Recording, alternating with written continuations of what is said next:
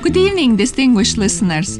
I am Maya Tjuze, and you are listening to the Latvian voice from the international television and radio station Chin AM. 20. janvārī pirms 30 gadiem Mājas Čuzes veidotajā Latvijas ziņu apskatā Kanādas radio cerību sajūta mijas ar ļoti lielu satraukumu.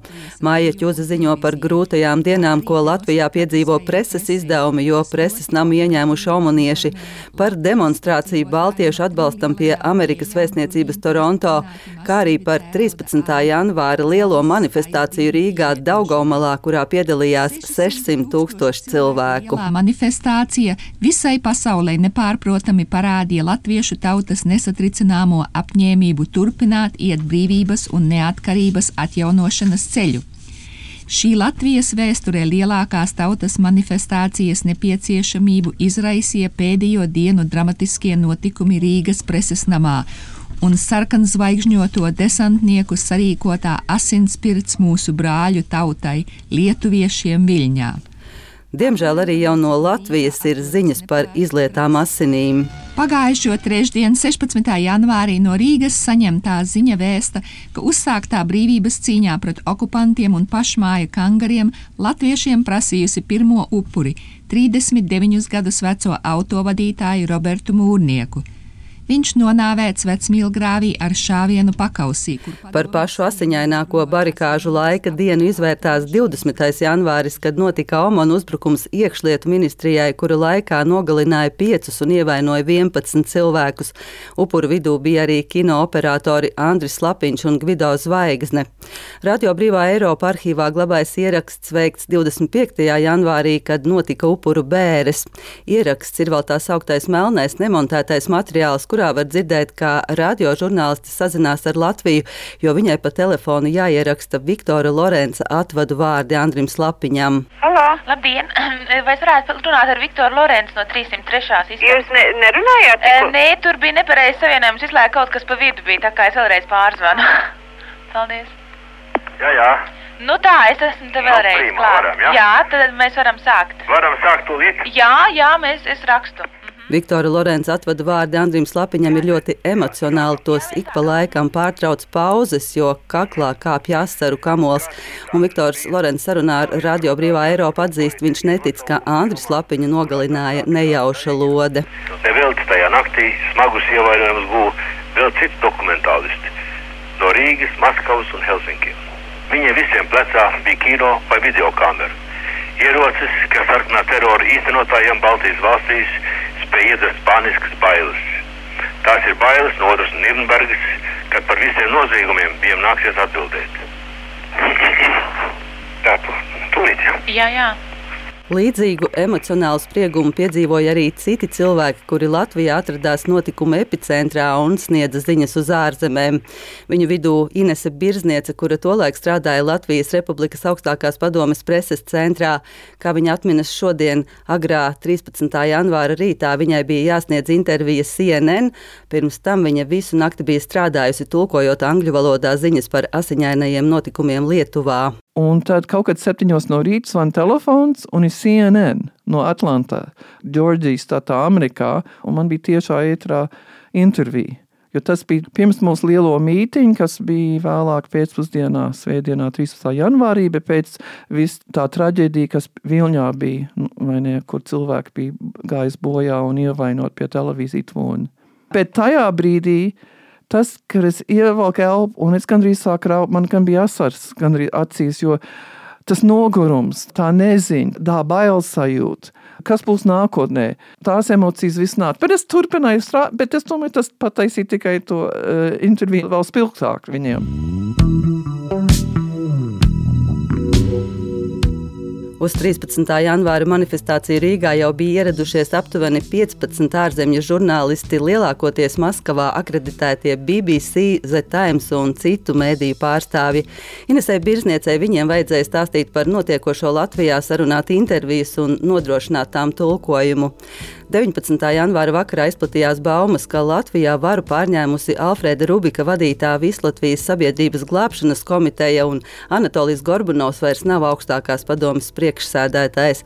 Lai nepamatotās baumas kliedētu ārzemju žurnālistiem nepietika ar rakstiskiem paziņojumiem, vajadzēja vizuālu apliecinājumu. Tur arī bija izdot uh, no Gorbanova kunga paziņojumu, ka nekas nav mainījies, viss uz vārdu. Viņi saka, tas nepietiek. Mums vajag īpaši televīzijai un arī presa, lai fotografētu. Lai Gorbanovs kungs iznāk pie mums un parādītu, ka viņš ir tiešām savā birojā un pie varas. Un tad mēs gājām pie Gorbanovs kunga, un viņš saka, muļķības, es jau esmu šeit, kāpēc man? Un tad mēs, mēs pierunājām viņu.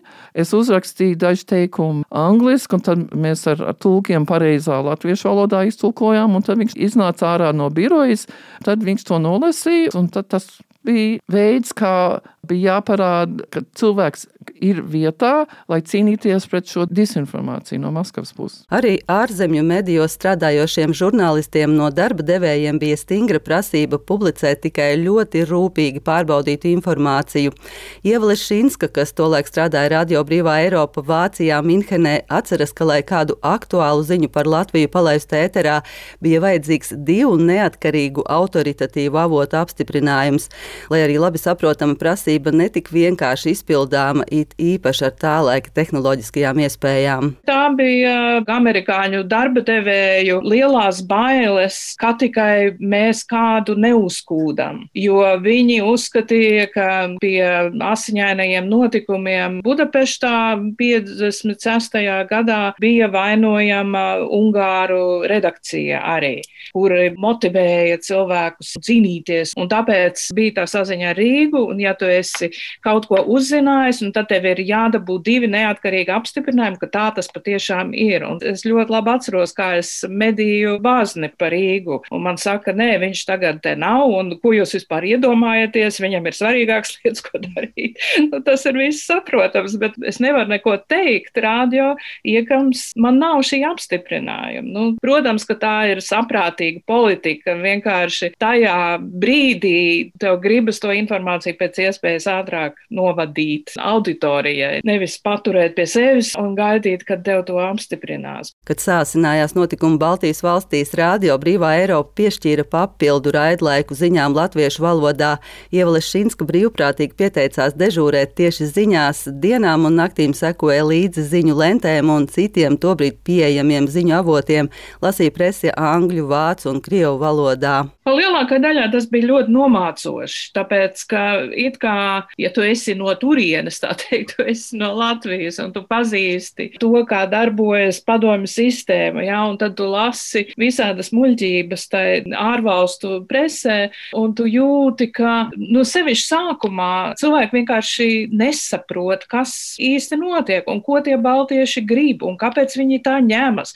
Un ir taču pārbūve un labais Gorbačovs. Nu, pamazām tas sāka mainīties, un, protams, ka Viļņas notikumi bija tāds viens no galvenajiem pagrieziena punktiem tajā attieksmē. Nu, tur jau bija tā kā piešaut roku, un nu, visu laiku tu centies atrast kaut ko tādu, kas tiešām kaut ko pateiktu tiem cilvēkiem Latvijā.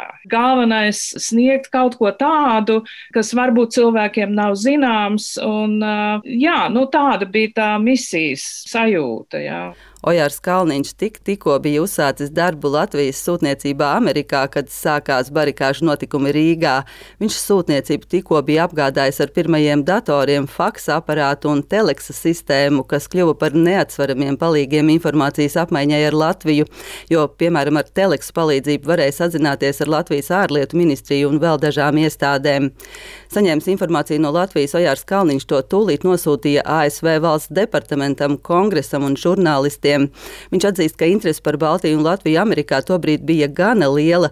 To bija rosinājis jau 1989. gadā notikušais Baltijas ceļš. Tas bija tas brīdis, kad Amerikas žurnālisti saprata, ka te kaut kas nopietns notiek.